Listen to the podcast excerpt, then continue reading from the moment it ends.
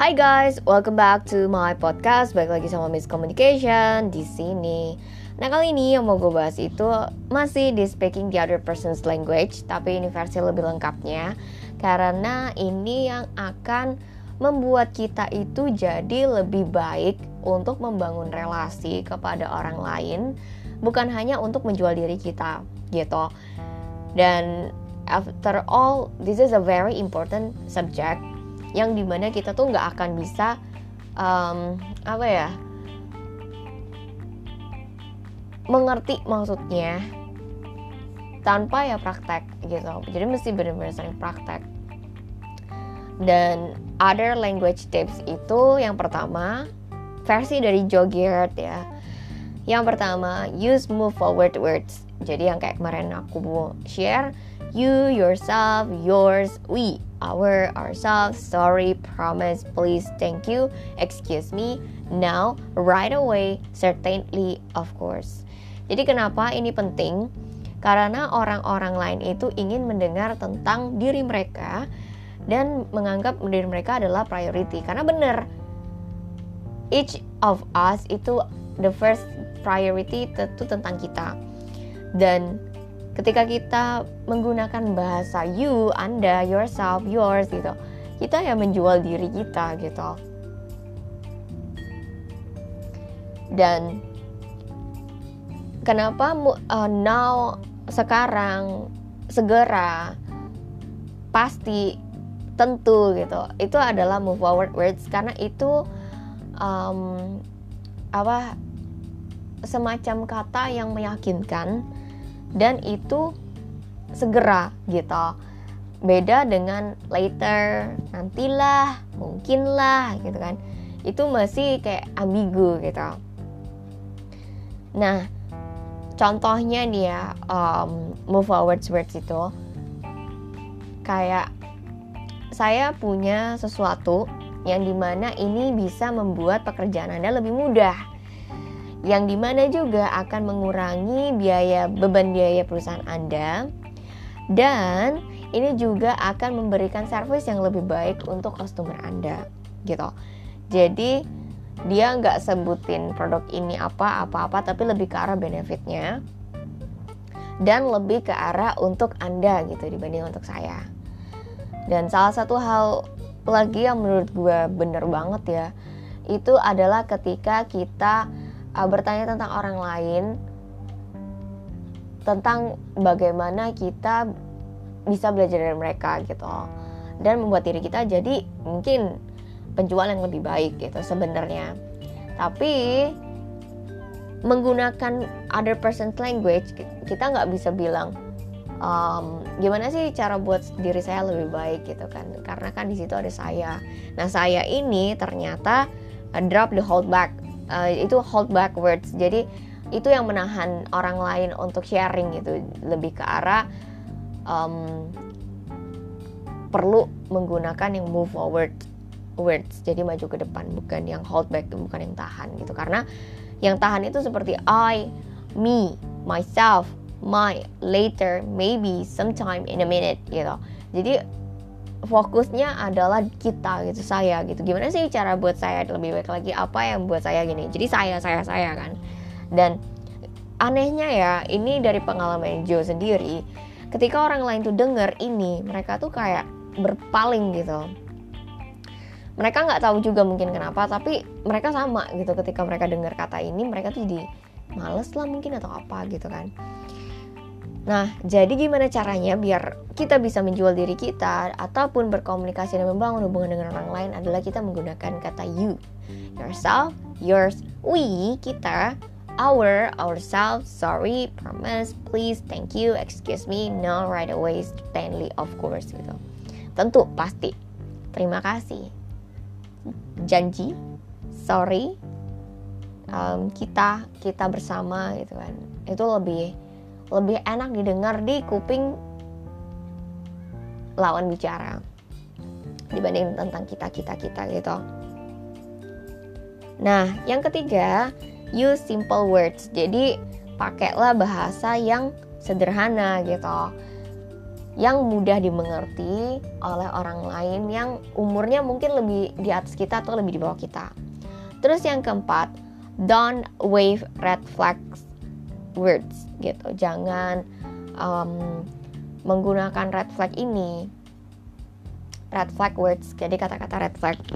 Karena to a person after you've come to know the person himself uh, red flag words ini tuh seperti apa ya um, kata-kata yang bisa bikin orang males ngomong sama kita atau nggak ngerespon kita good gitu kan Nah, tapi masalahnya adalah kita perlu tahu dulu nih orang itu tuh seperti apa gitu kan. Ini yang um, secara factnya benernya gitu kan. Kita perlu tahu dulu orangnya seperti apa. And then after that kita use caution gitu. Oh, uh, warning gitu. Kalau misalnya sama dia jangan pakai kata-kata trigger yang bikin dia ofensif gitu. Misalnya apa-apa-apa gitu kan. Jadi kita udah bisa tahu salahnya, kita jadi bisa ngomong gitu. In truth, you can only know what are red flags words to a person after you've come to know the person himself gitu. Nah, ini kita perlu ya bangun koneksi pelan-pelan gitu kan. Kita perlu jatuh salah lagi salah gitu kan dalam artian oh ini yang dia nggak bikin ngomong, oh ini yang bikin dia ngomong gitu kan. Nah setelah kita tahu ya kita bisa hati-hati untuk um, berbicara gitu kan karena kan ketika kita berbicara dengan orang lain kita itu kan building the same bridge gitu kan building the bridge yang di mana bridge-nya itu ya jangan sampai broken gitu kan nah gimana sih cara building itu dan uh, pelan-pelan gitu kan ya tahu orangnya dan hati-hati untuk tidak menggunakan kata-kata red flag Nah, it is always possibility that you will use such words when you talk to strangers simply because you don't know them. Ini benar banget. Jadi kalau misalnya kita ketemu strangers, kita nggak sengaja mungkin kan ngomong, terus dia akhirnya jadi males gitu ngomong. Nah, categories often can be red flag to some people. Kayak kategori ngomongin apa sih? Ngomongin agama, ngomongin politik, ngomongin um, race gitu kan. Entah itu mungkin sport, entah mungkin apa gitu kan. Ethnic background. Nah, ini yang model rasis kan kita nggak tahu siapa yang rasis, siapa yang enggak atau yang ini kan. Family, keluarga, economics, um, keuangan gitu kan Nah, kita tuh jadi tidak menjual diri sendiri ketika contohnya kita bilang tentang um, obat-obatan gratis gitu kan atau um, obat-obatan untuk membantu fakir miskin gitu kan. Dan kita ngomongnya sama dokter, yang dokter di mana dia itu bisa mendapatkan uang dengan dia menjual obat atau mungkin menggunakan obatnya dia gitu kan. Dan kita ngomongin tentang gratisan, obat gratisan gitu. Nah ini kan sebenarnya bisa mancing emosi kan. Uh, jadi kayak menjauh lah dari apa ya namanya um, rasa nyaman untuk berbicara gitu. Dan ya itu tadi jangan menjual prinsipnya kita. Don't sell your principle. Jadi seolah-olah kita itu benar gitu. Maksudnya um, apa ya? Menganggap diri kita benar gitu. Belum tentu di posisi mereka itu benar untuk mereka gitu kan. Believe it or not percaya atau tidak ketika kita dengar kata ini dari orang lain kita pasti ngerasa kita nggak suka gitu. Apalagi kalau misalnya bertentangan. Dan ketika kita menyadari itu yang gak enak untuk kita dan kita hati-hati menggunakan kata itu agar tidak menyinggung atau menyakiti perasaan orang lain kita tuh jadi bisa mengontrol pembicaraan yang tidak menimbulkan emosi dari kedua belah pihak gitu. Kita juga bisa berbicara tentang socialized medicine with a doctor. Yang di mana kita bicara tentang pengobatan gratis mungkin sama dokter tanpa menaikkan temperatur moodnya gitu apa suasananya gimana caranya itu menggunakan tag atau wisdom atau um, apa ya kita bilang ya ketangkasan dan kepekaan dalam berurusan dengan orang lain atau dengan masalah sulit. Nah jadi kita harus peka dulu, terus habis itu tangkas gitu kan. Enaknya gimana nih ngomonginnya tentang apa? Mungkin kita bisa bahas ini, tapi yang kira-kira dia setuju yang mana, yang dia tidak setuju yang mana gitu. Dan ketika kita tangkas untuk um, take position kita jadi lebih bisa untuk adaptable dan bisa untuk building the bridge gitu. Tapi itu juga perlu proses nggak gampang. Jadi gue pernah ngobrol sama orang yang di mana kita itu ternyata punya different perspektif tentang misalnya salah satu ekonomi atau dunia gitu kan. Atau mungkin tentang gender gitu.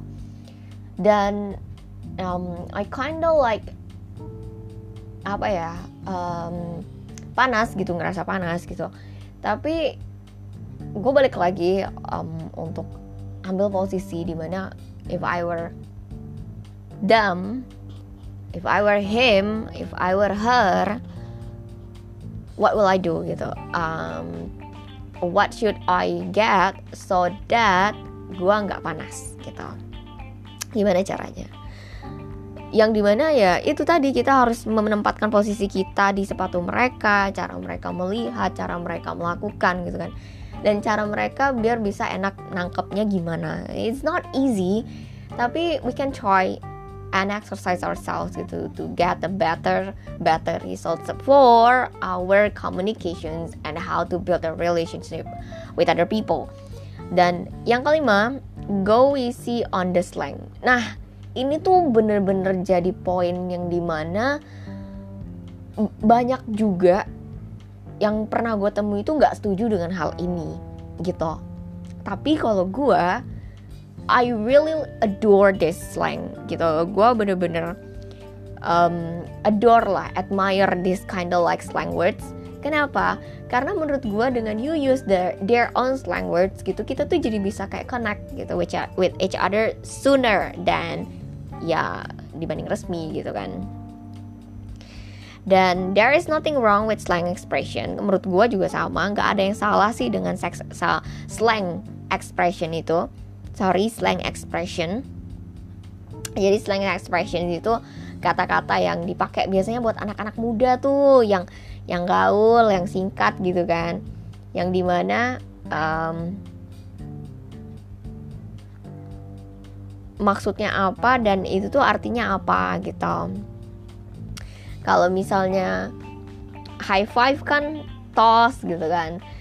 Uh, ini bilangnya give me five gitu. Give me five brother gitu kan. Jadi kayak ayo tepuk tangan eh uh, toss gitu kan. Terus abis itu crash in my pad oh my god misalnya gitu kan. Jadi orang oh, oh apa apa kenapa? gitu. Atau raptured dog gitu. Jadi itu lebih ke arah apa ya orang akan lebih merasa enjoy dan merasa lebih dekat sama kita when kita use their own slang words gitu. Jadi gimana sih biar biar lebih deket lah sama orang lain itu. Ya salah satunya use the slang words. Cuman kan kadang kalau yang gue lihat orang-orang yang mungkin um,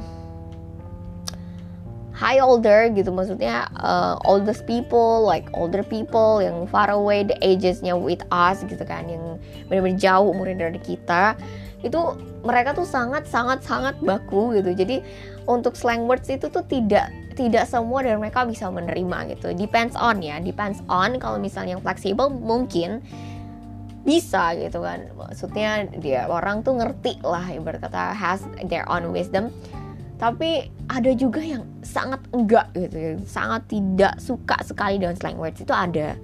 Nah jadi ya depends on tapi gua sih setuju dengan slang words gitu. Karena with that kind of things we we can have the same vibrations with other people gitu. Yang mungkin beda usia yang mungkin um, apa bukan sok gaul ya bukan sok gaul beda loh.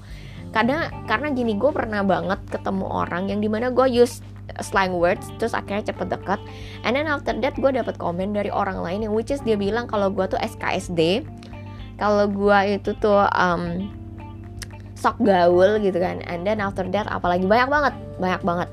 Tapi waktu itu gue ngerasa kayak because I don't know I didn't know myself yet gitu. Jadi dari situ gue langsung hold on gitu nggak pernah lagi gitu. Jadinya I I don't know it's not it's not me gitu. Tapi ya karena gue nggak mau jelek jadinya gue hold on. Dan akhirnya ya apa skillsnya jadi terbengkalai gitu kan. Dan ternyata enggak jelek kok untuk menggunakan slang words gitu kan. There are a lot of people yang mereka mungkin ngomong kayak gitu karena mereka ingin gitu tapi nggak bisa. Atau mereka nggak mau atau mereka punya prinsip it's not good gitu kan. Jadi ya udah gitu kan. Tapi it's not me. Kenapa gue harus stop my slang words gitu untuk get attached with other people gitu kan. Jadi kayak ya udahlah daripada mikirin kayak gitu mendingan kita go easy aja go easy on the slang. Bener-bener kayak apa ya lebih ke arah nyantai lah nyantai untuk um, accept there are a lot of possibilities of words outside there and try to respect them and then ya udah gitu uh, jalanin aja yang menurut prinsipnya kita sendiri masing-masing untuk punya hasilnya masing-masing juga. So yang number six say what you mean. Nah ini tuh gampang-gampang susah ya karena kebanyakan um, apa human kan kita nggak tahu gitu. Maksudnya kayak um, backgroundnya seperti apa kebiasaan seperti apa segala macem. Sehingga kadang tuh jarang untuk say what you mean gitu. Mengatakan apa yang kita ingin katakan. Dan jangan sampai pak use whistle words jadi kayak kata-kata yang gantung lah gitu kan. Yang di mana ini tuh jadi ambigu atau bahkan ada celah kata-katanya sendiri itu jadi tuh nggak nggak jelas gitu kayak contoh kenapa uh, gimana kalau misalnya kita makan bareng kapan-kapan? Kapan-kapan gitu kan. Kalau misalnya ditanya kapan-kapan kapan ya nggak tahu. Ya mungkin bisa bulan depan minggu depan tahun depan 20 tahun lagi gitu. It's ambiguous kan maksudnya ambigu gitu. Uh, well gue juga pernah ngomong kayak gitu. Yang di mana dan I know gitu oh I don't really expect to meet with this person anymore that's why I say that gitu. Nah itu kurang bagus. Berarti gue uh, gue sadar juga itu nggak bagus buat diri gue juga gitu kan. Um, apa ya? Lebih baik ngomong kurang tahu kapannya tapi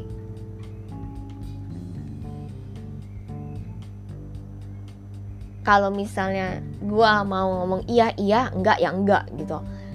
Atau jangan sekarang tahun depan gitu. Tapi kita harus keep apa keep the promise. Kalau misalnya ngomong A A B B nah itu tuh mudah-mudah susah gitu kan. Karena kayak ya itu lebih mudah untuk um, no action talking only gitu kan.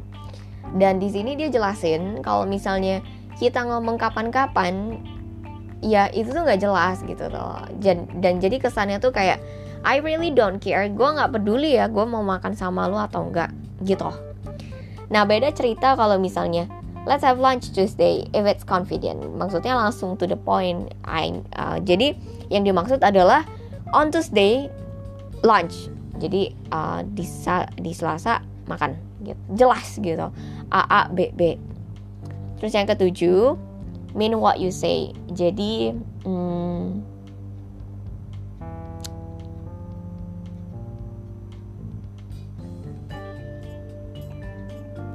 maksudkan apa yang anda katakan. Yang kita katakan. Don't use perhaps jangan bi, um, pakai kata mungkin. Lihat nanti kapan-kapan. Let me think about it. Pikir-pikir dulu ya. I'll try to get around to it. Jadi um, coba lihat dulu gitu.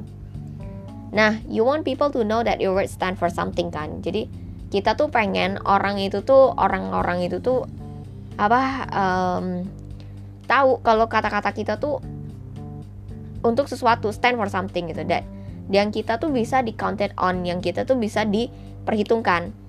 Kalau misalnya kita nggak ngomong apa yang kita bi uh, yang katakan yang kita katakan mendingan gak usah ngomong sekalian gitu. Jadi nggak um, jadi Joe ini mengajak kita tuh untuk nggak di tengah-tengah nggak ambigu nggak abu-abu tapi lebih ke arah A A B B gitu terus yang kedelapan forget the profanity atau kata-kata kotor nah Hayes ini dia mengutip kata Hayes quote dari Hayes yang di mana dia bilang gini say nothing that will offend or embarrass them. Jadi mendingan gak usah ngomong apa-apa yang di mana kata-kata itu tuh yang akan menyerang atau mempermalukan mereka. Profanity will offend half of them and embarrass the other half. Jadi kata-kata kotor itu yang akan menyerang mereka setengahnya atau yang bahkan mungkin mempermalukan mereka setengahnya. Jadi ya itu tadi slang words beda ya sama kata-kata kotor. Kalau slang words slang words slang words itu yang tidak menjatuhkan dan membuat diri kita jadi lebih akrab gitu. Tapi kalau kata-kata kotor kayak profanity itu itu yang lebih ke arah uh, mungkin racist, mungkin juga menjelekkan, mungkin menghina gitu kan, atau mungkin mempermalukan orang lain dan bahkan menjatuhkan. Jadi itu beda banget kan. Dan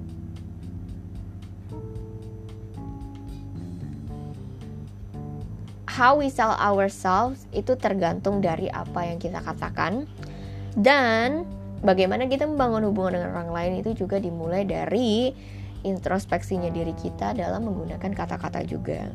Semoga apa yang gue bagikan di sini bermanfaat untuk teman-teman sekalian. Jangan lupa share dan subscribe. Thank you so much for listening and I hope you have a great day.